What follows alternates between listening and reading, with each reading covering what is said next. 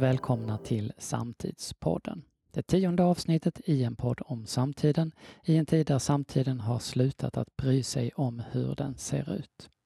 I höstas så granskade Sydsvenskans wallraffande reporter Dan Ivarsson matleveransföretaget Foodora och avslöjade exakt hur dåliga arbetsförhållanden cykelbuden hade. Och nu, några månader senare, ja, då söker bolaget nya anställda och det gör man genom att illustrera det här med en peppig annons med en bild på ett cykelbud som då inte är ett vilket cykelbud som helst utan som är just den wallraffande reportern Dan Ivarsson. Man snor alltså bilden från det reportage som eh, visar att man är ett ganska hemskt bolag och så använder man den i en annons för att locka folk att ta ett jobb som mannen på bilden då har ägnat all kraft åt att berätta om hur hemskt det här jobbet är. Och jag som letar efter bromsen på min treväxlade Biltema-cykel när jag inte förundrats över att Elon Musk vill prata med Putin på Clubhouse. Jag heter Anders Milner och med mig har jag precis som vanligt Jasmin Aran Moder. Så börjar jag med ett stort garv för detta var det roligaste jag hört på länge. Fantastiskt. Där är så många frågor.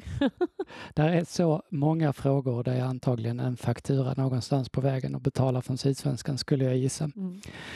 Och eh, Jasmin, jag tänkte ta med dig på en resa in i tunna blå linjen-land. Yeah. För det är ju så att den här serien har blivit en sån succé att folk i hela landet nu pratar om den. Och att de också då börjar intressera sig för platserna där den utspelas. Så med hjälp av Malmöbon Jasmin mittemot mig så ska vi nu se vad vi egentligen kan säga om några av platserna. Den är inspelad på 260 olika platser i Malmö och här är några. Ribban, där äter man glass i solnedgången. Vad säger du om detta Jasmin? Ja men fantastisk eh, plats och där vi har ett kallbadhus och där nog de flesta i Malmö har hängt på ett eller annat sätt. En, en liksom strand som faktiskt är ett eh, hoppkast från där vi sitter just nu. Så det är ju nära till alla som bor i Malmö att åka ner och bada. Man kan säga att man får nästan inte vara Malmöbo om man inte fotograferar sig själv efter att ha vinterbadat på, på exakt, ribban, eller hur? Exakt. Och nu har det blivit värre än någonsin. Alla ska vinterbada där ute. Men det är kul på sommaren också och andra delar av året. Men mm. fantastiskt fint och härligt. Vi hoppar rast vidare mm. till Fosievägen. Ja, och där är ju mång, den är ganska lång så det är ju svårt att säga att det finns ett eh, härligt just ställe. Men, eh, ja, men dels så går den liksom tvärs igenom där väldigt mycket av bil, liksom bilföretag, bilförsäljare är, så man har varit där av, av den anledningen. Jag har ridit mycket runt hörnan eh, som ung eh, eh, ungdom en gång i tiden och eh, sen ligger det ju liksom kopplat till Jägersro och eh, det som hände när man växte upp på Jägersro, också kopplat till hästar. Men, det, men, men det här är ingen plats där man eh, det är inte så jättemysig plats. Nej men det finns ju delar där det liksom, ja, men, som leder till härliga liksom, ställen eller mindre härliga för den delen. Men, men det är ju inte en det är inte så att, ja men vad ska du göra ikväll? Jag ska hänga på Fosievägen. Det gör man inte. Nej. Men det finns, den är väldigt, den kopplar ihop många delar av Malmö ska jag säga. Ja. Nu är ju allting i Malmö så li, alltså man ska ju vara medveten om att i Malmö så tar det ju inte mer än en 20 minuter att cykla till de flesta ställena oavsett var man är. Om man tar Fosievägen. Om man tar Fosievägen så kommer man, når man allt. Sen har vi kaffebaren på Möllan. Mm. Den är ju lite hipsterkänd. Väldigt hipsterkänd. Ja. Den blir nästan, eh, det var väl den, höll jag på säga, som gjorde Möllan känd. Nej, det. det. vet jag inte. Eller så gjorde Möllan kaffebaren känd. Jag har varit där tre gånger. En av gång, de gångerna blev jag igenkänd av en Malmöbo som sa Vad gör du här? Nej, är det sant? Jo. Hur har du hittat hit? Det, det, ja. det är någonting som blev ja. fel här. Ja. Eh, men jättegott kaffe. väldigt trevligt. Kan jag rekommendera. Vi har Drottningtorget. Här är, eh, ni som har sett det så är det eh, en Christian som hoppar från byggställningar och där är också en kvinna som skäller ut en tjej med slöja och det är här också som Magnus säger det, det numera klassiska jag är så jävla kär i dig till, till Sara. Just det. Eh, ja men också nära, allting är ju nära. En, ett fantastiskt litet, eh, eller litet, fint eh, torg. Har en, en, rolig bullbar som man kan spela bull. Ja men bara också, och en fantastisk glassbar. Just det, mm. eller hur? Mm. Väldigt trevligt. Eh, och avslutningsvis lunchstopp på Jalla Jalla. Vad är Jalla Jalla för någonting? Eh, ja, men det är väl eh, legendariskt i Malmö om man vill äta en falafel till exempel. Så eh, det är dit man ska ta sig. Och här är de ganska billiga också. Mm. Det är också det... någonting med Malmöbor och falaflar. Alltså mm. man, kan inte prata, man får inte prata om falafel om det inte är i Malmö, eller hur? Nej, men det går ju inte. Och eh, man ska också vara helt medveten om att eh, falafel har ju funnits här länge. Alltså jag, jag, kan inte säga år, men också roligt att man är van att köpa en falafel här och då en, en rejäl sådan och liksom med de bästa ingredienserna för kanske 35 kronor, vilket är helt bisarrt billigt kan vi också undra. Liksom. Medan man då kommer till Stockholm någon gång och vi skulle äta på något ställe och ungefär samma rätt kostade 120 mina barn var helt i chock i flera dagar och bara tänkte varför, varför gör de så här? Det är exakt samma grej. Så, och den är ju lite bättre här nere, alltid. Mm. Så är det. Vi hoppas att ni är nöjda med denna. Kontakta oss om ni vill ha fler sightseeing-tips för Tunna blå linjen-land och med det så kastar vi oss rätt in i veckans medieflöde.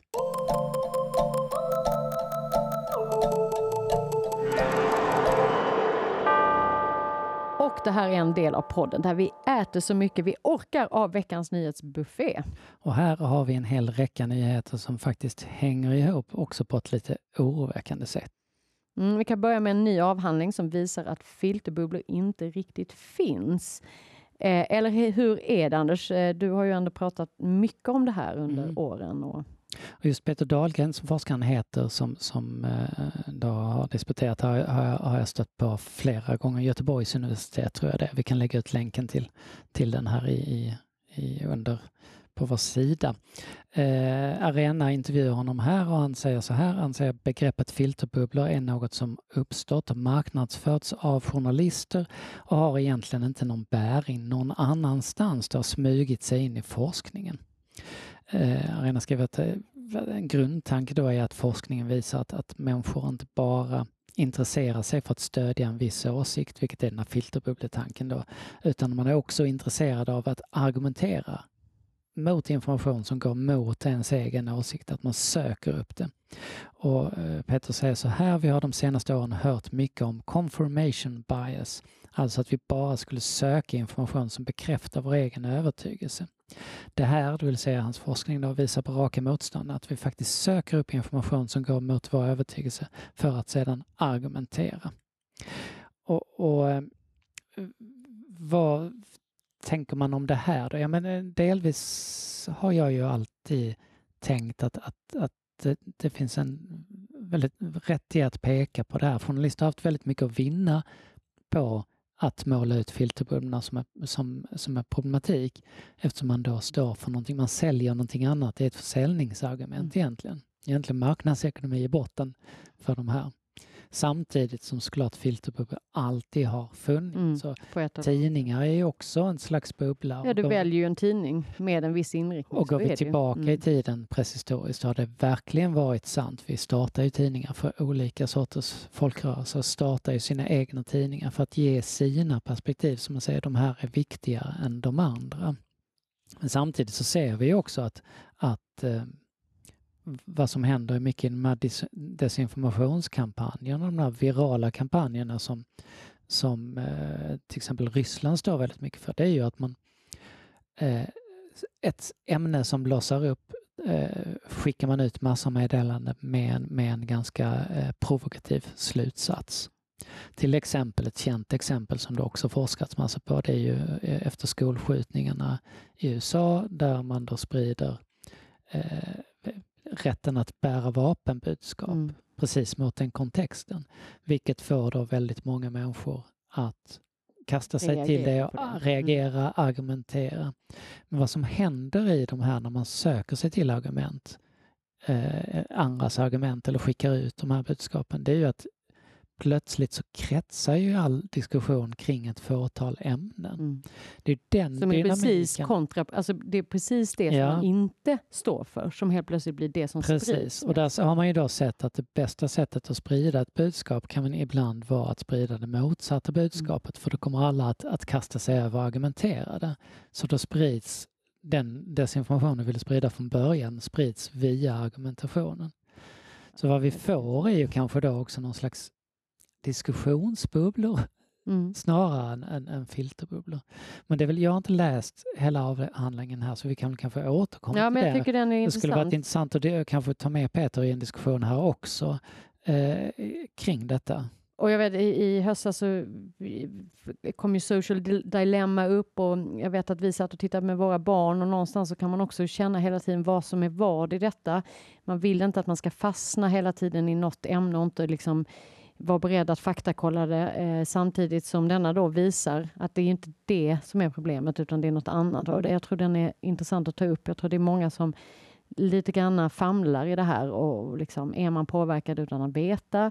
Tar jag verkligen till? Och mina barn, alltså framför allt, eh, så att man inte fastnar i åsiktsbubblor. Men det är egentligen en, en klassisk eh, mediakritisk fråga.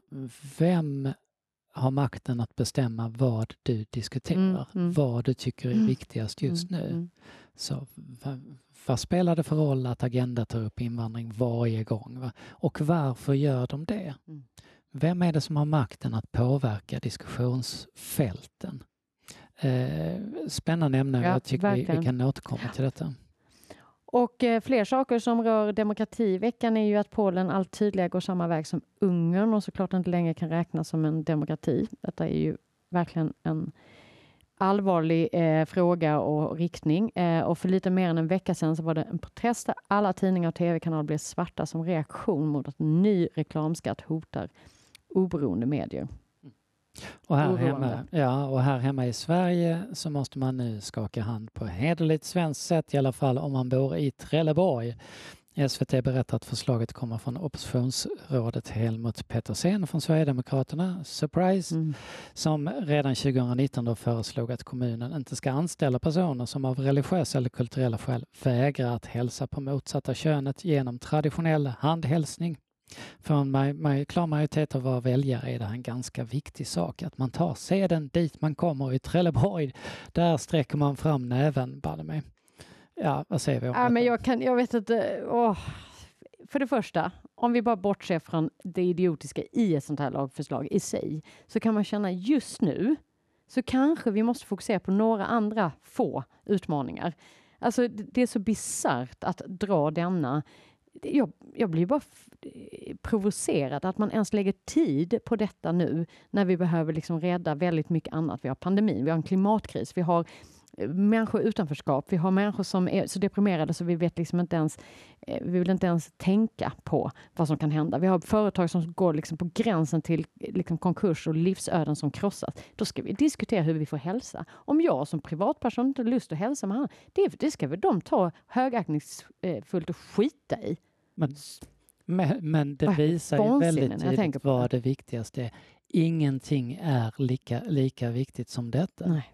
Ja, det är så, det är så bisarrt. Det här, här kulturkriget, liksom, det, det, visar ju väldigt, väldigt uh, klart. Och, och, Lite hela... äckligt nu för tiden när man tänker på, eh, liksom, om vi nu ska Alltså, jag kan ju känna lite så här efter pandemin, är det just handskakning vi någonsin vill göra? När vi vet hur mycket bakterier som faktiskt vi slipper nu för tiden. En rolig text på DNs ledarsida så föreslog man eh, den, den, jag tror man uttryckte sig ungefär, den svenskt lite tafatta vinkningen följt av ett hej hej, hej hej.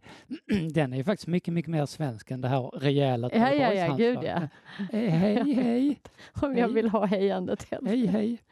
Men, men i övriga landet så, så höjs nu tonläget eh, och det, de här sakerna hänger ihop lite grann. Mm. Polisen utreder dödshot eh, mot anställda vid Folkhälsomyndigheten.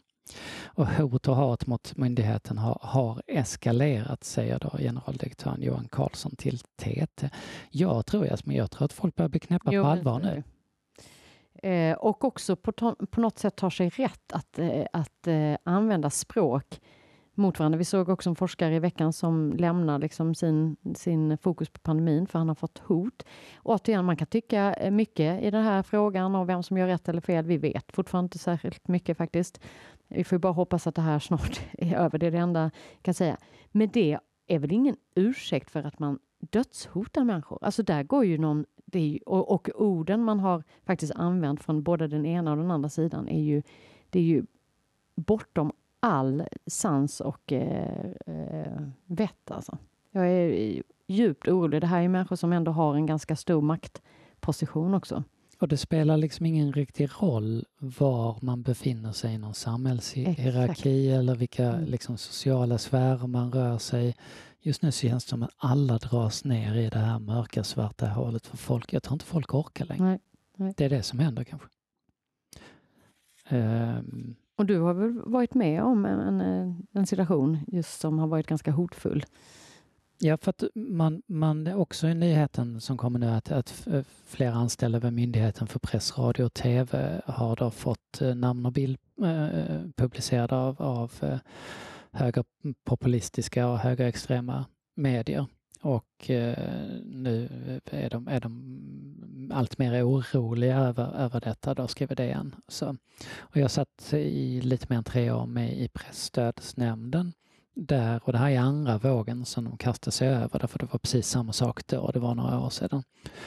Och vad man gör är då att man tar namn och bild på folk och går igenom deras sociala medier och försöker kartlägga, försöker hitta, gärna någonting som handlar om invandring på något sätt. Va? Det kan vara att man står upp för någonting eller eh, som i mitt fall att jag hade var med på, på någon, eh, någon eh, demonstration för, eh, eh för att visa stöd för flyktingvågen 2015 med Refugees Welcome. Och så slänger man ut det med namn och bild och med någon text om att den här personen sitter på en halv miljard i pengar som ska dela ut. Och så litar man då på att, att fotsoldaterna agerar mm. och, och sprider hot vidare. Gärna till följd, det här följs ju gärna av, av en metodik där man då ringer upp, gör någon slags intervju, fulklipper den och lägger mm. ut den på, på nätet. Mm.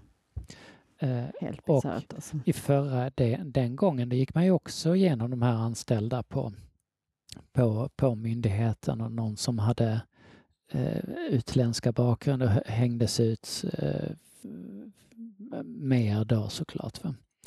Och samtidigt så, så ser vi då en situation där när detta händer så har man eh, alternativmedierna eller vad man ska kalla det som, som, som sitter och formulerar det, skickar ut det då fotsoldater som agerar som sen sprider hot i sig. Sen har du den politiska nivån.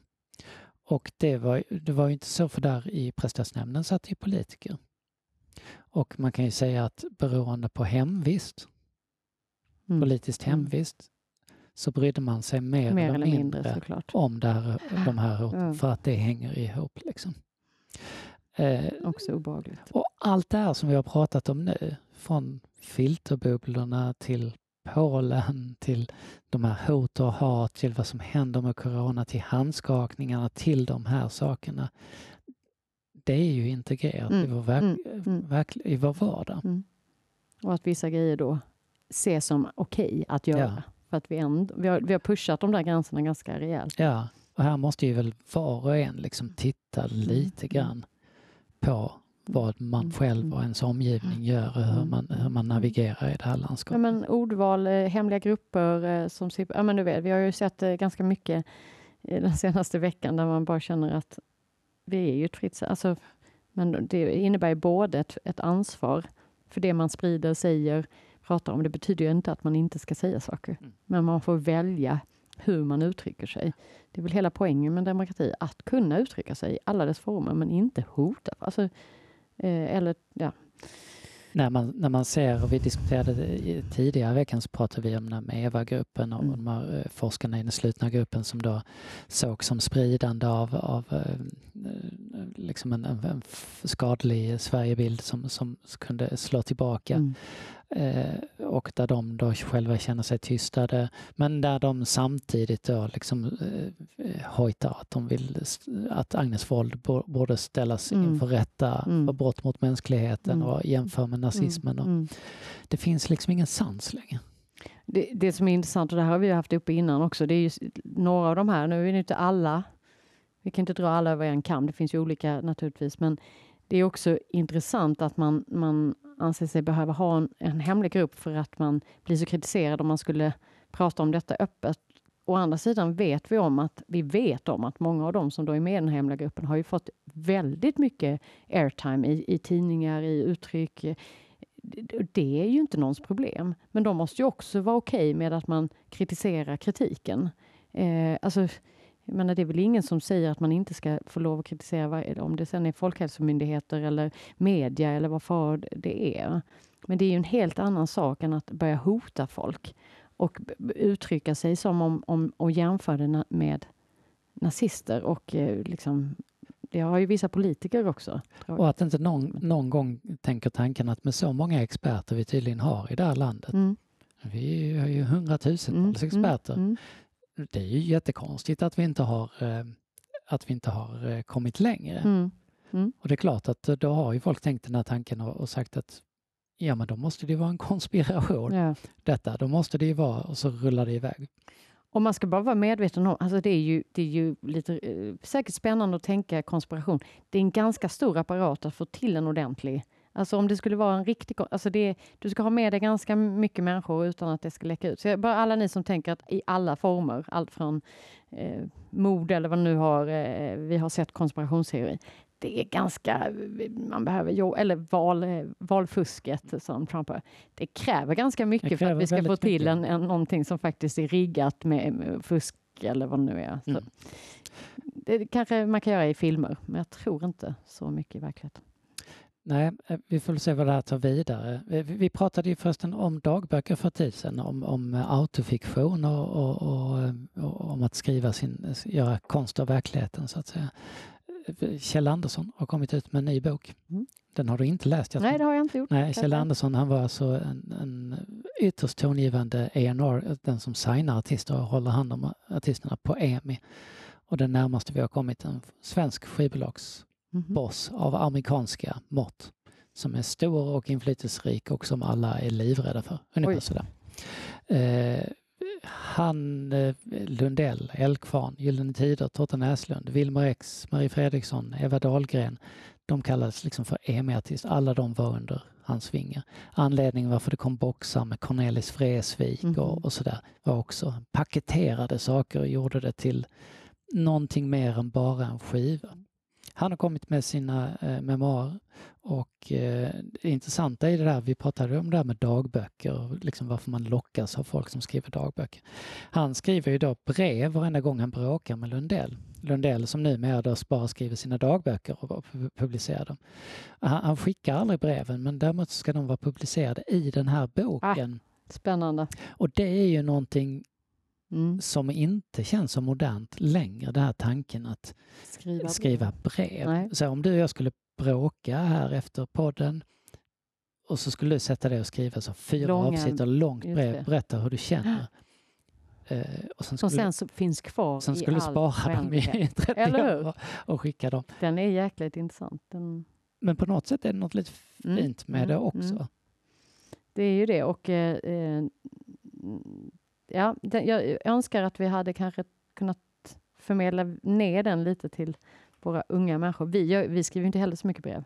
Eller skriver du mycket brev? Nej, nej jag skriver nej. inga brev alls längre. Nej. Jag har ju barn i Barnfonden, då skriver man lite brev, men det är mm. ungefär där. Uh, det men kanske det där att man får ner allting. Mm, nu har jag mm, fått ner det, jag behöver mm. inte skicka det, jag kan gå vidare. Mm, det kanske jämfört med då att jag går på Twitter och eh, agro-rantar. Agro. Liksom. Och så, och det, ja, och där delar vi det direkt. Klockan 02.34 på natten. Liksom. Mm. Nej, jag tror mer på... Man kanske ska börja i ett eh, liksom, brevskrivande förfarande och sen kanske ta valda delar och lägga på Twitter. Ja, när det har liksom eller så mogna. samlar man det till en stor bok 30 år senare. Ja, ja. ja, jag tror eh, det hade varit roligt att plocka upp. Och det här var veckans medieflöde.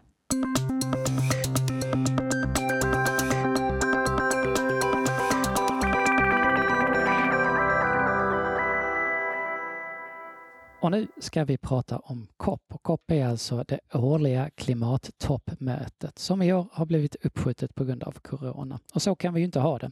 Och därför gör vi precis som när vi gjorde istället för Almedalen i somras, ett, eh, istället för COP som vi kallar för Get Ready for COP.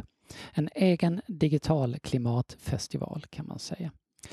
Men vad är då COP egentligen? Ja, vi har med oss Mattias Gollman som är hållbarhetschef på Sweco som tidigare varit gäst i podden också. Och vi kan väl börja Mattias med att helt enkelt be dig förklara, vad är COP? För mig är COP tre saker. För det första är det det strikt formella. COP står för Conference of the Parties och parties är länderna där de möts och förhandlar. Det andra som är väl så spännande är i direkt anslutning till, till eh, förhandlingarna så möts olika coalition of the willings och eh, sluter sådana avtal som inte är möjligt när precis varenda land i världen ska vara med. Och det tredje som kanske är det allra mest dynamiska och spännande är att i anslutning till varje klimatmöte så är det nästintill en klimatfestival där organisationer och företag och städer lyfter fram allt spännande som, som händer och sporrar varandra att göra mer. Och nu när man då ställer in eh, eller skjuter fram det COP som skulle ha, ha, ha arrangerats, vad är det då som inte blir av? Vad är det som blir stillastående under den tiden? Under tiden så gör vi så gott vi kan, så vi firar Parisavtalets fem år och vi har olika toppmöten på nätet och så, men det som inte går är att formellt förhandla och formellt fatta beslut. Och trots att Parisavtalet fyller fem år nu så finns det fortfarande delar som eh, inte är färdigförhandlade och det blir de inte förrän vi har ett formellt COP26. Nu arrangerar vi ju eh, vårt, vår egen klimatfestival här. Vad, vad tror du att en sån satsning kan få för betydelse? Jag är väldigt orolig att man i pandemitider och i återuppstart av ekonomin glömmer bort vår stora långsiktiga utmaning som är klimatet. Och när ni sätter fokus på klimatet gör ni något väldigt viktigt. Och eftersom Sverige har bestämt sig för att vi ska gå före omvärlden och man ska kunna titta på oss, så är det inte bara viktigt för Malmö, Skåne, Sverige, utan det är viktigt för hela världen att kunna visa upp de bästa exemplen i klimatsmart omställning. Så gör er festival detta så kan ni göra global nytta. Eh, finns det aktörer som du har sett som du har tänkt att ja, men den här typen av aktörer borde vara med på, på till exempel på COP men, men som inte har varit? COP är ju då formellt sett bara för staterna men successivt har vi sett att företagen är med allt mer där. Vi ser också att kommunerna så småningom börjar hitta sin roll. Och sen så kan man med god vilja se att eh, organisationer som företräder ursprungsbefolkningar eller jämställdhet eller unga eller äldre börjar hitta sin plats. Men generellt sett så vill jag se ett ökat företagstryck i frågorna och jag vill se kommuner som tydligare kliver fram och visar att man är en del av klimatlösningen. Tack så mycket för att du var med oss Mattias. Tack och lycka till med Klimatfestivalen. Jasmin, berätta, Get Ready for COP, när tar detta plats? Eh, det kommer äga rum den 27, 28, 29 april. Anledningen till att det i, eh, inte är senare eh, utan just då är att man också då får möjligheter att kanske Eh, ta eh, godbitarna ur detta och söka eh, sig till så att säga COP-mötet i november i Glasgow. Nu vet vi inte om det kommer ske digitalt eller eh, hybrid eller fysiskt, men eh, då har man på sig liksom några månader där att, att faktiskt ansöka om en plats, att visa upp det bästa man har att ta till bordet, så att säga. Och vi har ju själva varit med på COP mm. två gånger. Två så gånger. vi har gjort den där Precis. ansökningsförfarandet och yes. kommit in och yes. fått en plats och kunnat föra Lite som Mattias säger, det är ju mer och mer företag och aktörer Eh, som inte är de liksom förhandlande parterna som är med. Och det är ju möjlighet då att visa upp eh, och lite som, som Mattias säger, det bästa av det bästa man har. Idéer, tankar, hur man ska liksom hitta nya former att samverka, mål 17 till exempel. Men också naturligtvis konkreta förslag på lösningar av energifrågan eller eh, utsläppstransportfrågan eller vad det nu kan vara. Och hur ska det här fungera då?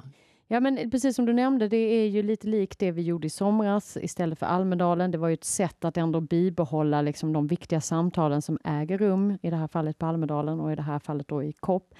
Eh, att, att, lyfta upp det i ett digitalt format eh, där vi eh, har identifierat sex eh, spår eller områden som är kopplat egentligen till the, eh, TED eh, Countdown. TEDx gjorde en countdown eh, ins, eh, eh, initiativ förra året där man egentligen tittade på idéer runt om i världen som faktiskt kan bidra till snabbare lösningar på FNs eh, hållbarhetsmål.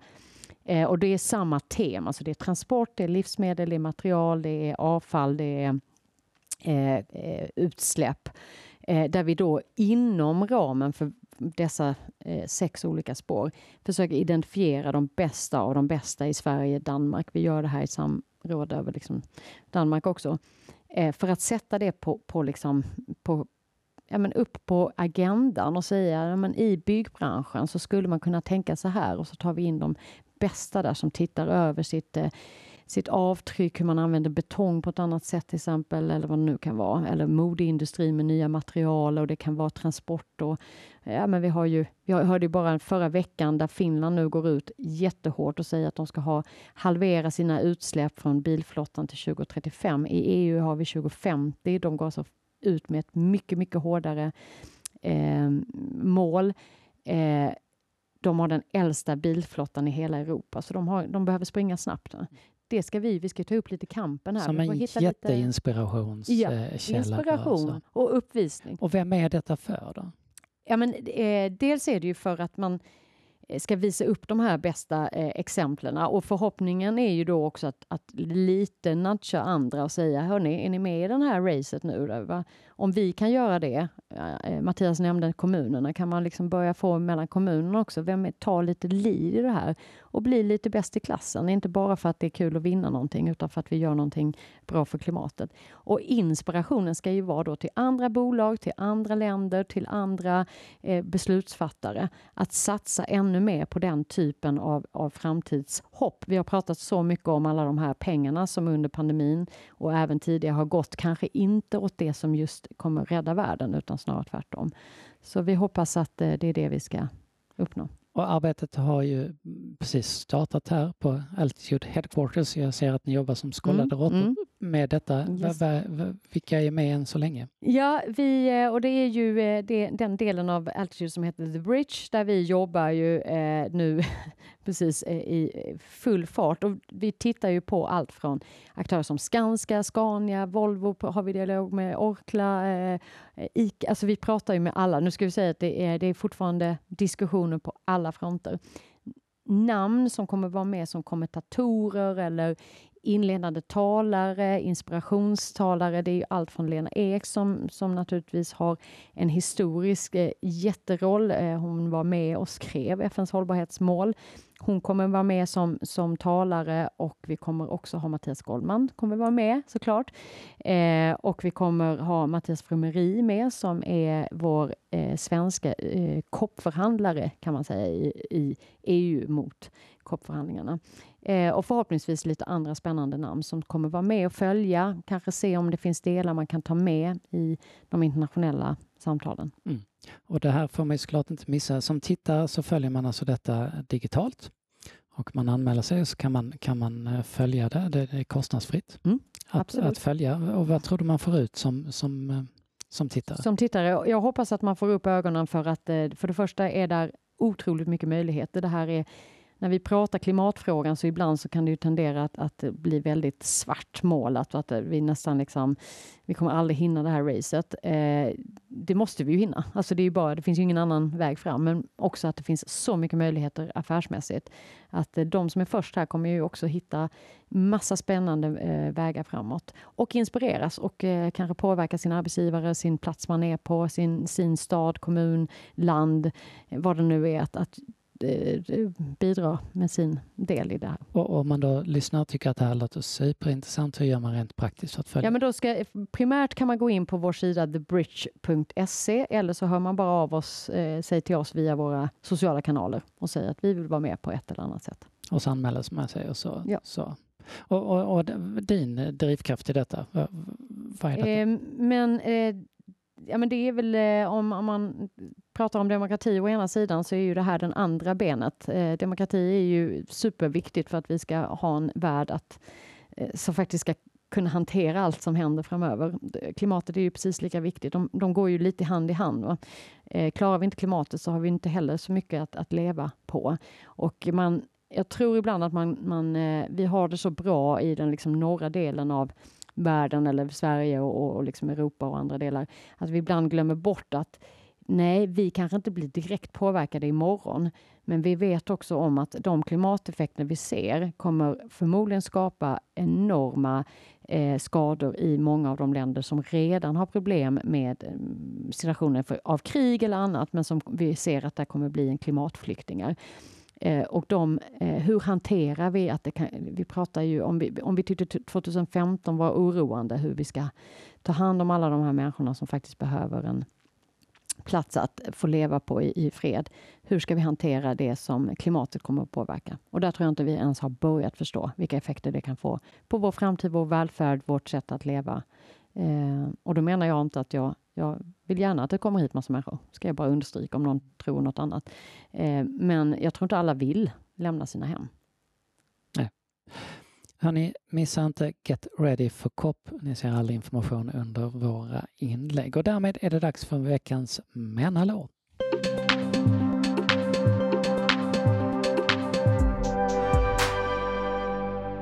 Och veckans Men hallå är någonting som har funnits ganska länge men som jag precis har hittat som heter Radio Garden. Jasmin, känner du till detta? Nej, inte mer än att du har berättat lite för mig. Så Radio Garden är alltså en uh, sajt. Det här är, är uh, ett slags non-profit uh, projekt som drivs av Netherlands Institute for Sound and Vision geolocation och eh, nej, Vision heter det nog bara. Och det använder sig av, av eh, geopositionering. Så du har en, eh, och vi ser den framför oss här nu, du har alltså en världskarta som ser ut precis som om man går in på Google Earth eller något liknande. Och det här finns gröna prickar som är upplysta i städer. Just nu så pekar jag, tror jag, på Köpenhamn i alla fall. Mm. Eh, och om jag klickar på den då så börjar radiostationen som är där att spela. Och här hör man kanske möjligt danska röster här i bakgrunden. Ja, det är ju sjukt coolt. Och sen kan man ju liksom klicka sig, dra sig vidare då på den här kartan och, och se var handlar vi där? Handlar vi någonstans i eh, Hamburg? Hamburg? Och eh, så börjar den då att spela upp. Och då, då kan man dra sig förbi mm. hela världen på det här sättet.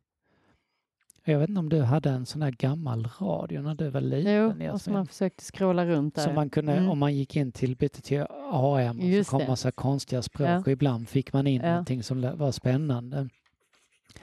Framförallt musik. Åh, kolla, här var det någon rolig musik. Eller hur? Station. Det här är ju väldigt, väldigt... Ja, det var väldigt äh, roligt. Häftigt faktiskt. Ja.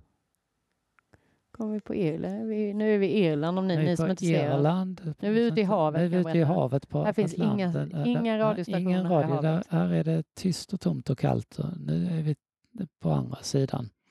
Det, det, jag tänker så att radio har lite grann fallit bort med internet ja. på det sättet att du inte behöver söka upp någonting längre på samma sätt utan man har allting i, på olika plattformar. Nu är vi Ferment. Nu är vi Ferment. Men, alltså, så roligt. Visst är det här lite spännande? Här vill man ju bara fastna resten av dagen kände jag. Fast det hinner vi inte nu. Det hinner vi inte nu. Nej, men, men titta in på det här. Radio.garden hittar ni eh, den här smarta tjänsten på och som eh, eh, jag hade kunnat tänka mig att eh, smita lite grann från jobbet ja. för, men det, det hinner jag inte riktigt Nej, idag. Det heller, men en annan i dag helgen. kanske. Saint-Pierre, var ligger det? Okej. Okay. Och det här var allt för oss idag. Det är fredagen den 19 februari och den här dagen 1473 så föddes Copernicus. 1878 patenterade Thomas Edison fonografen som är den första maskinen som kan spela in, bevara och återge ljud. 1945 invaderade USA Iwo Jima och 1982, det här minns du Jesper? Mm, eh, kanske, så eh, arresteras Ozzy Osbourne i San Antonio, Texas, där han urinerat på eh, någon, någon minnesmärke för eh, Alamo. Han var då iklädd dessutom en klänning eftersom hans så fru, där alla som såg The Osbournes eh, realityserien, hans fru Sharon hade då gömt alla hans kläder för att Ozzy inte skulle kunna gå ut. Men hindrade det Ozzy? Nej, han Nej. tog på sig en klänning och valde att eh, urinera på detta. Och sen dess blev han då förbjuden att uppträda i den här staden i tio år så att först 1992 kunde han återvända dit. Jag, oklart om han har gjort det. Åh herregud, det har hänt så mycket eh, genom åren. Hörni, och det här var allt för oss. Eh, ni, du har lyssnat på Samtidspodden med mig, Jasmin Aran Moder och med Anders Milner. Samtidspodden produceras av Altitude Meetings och vi ses igen om en vecka. Så till dess, ha det så bra. Hej då!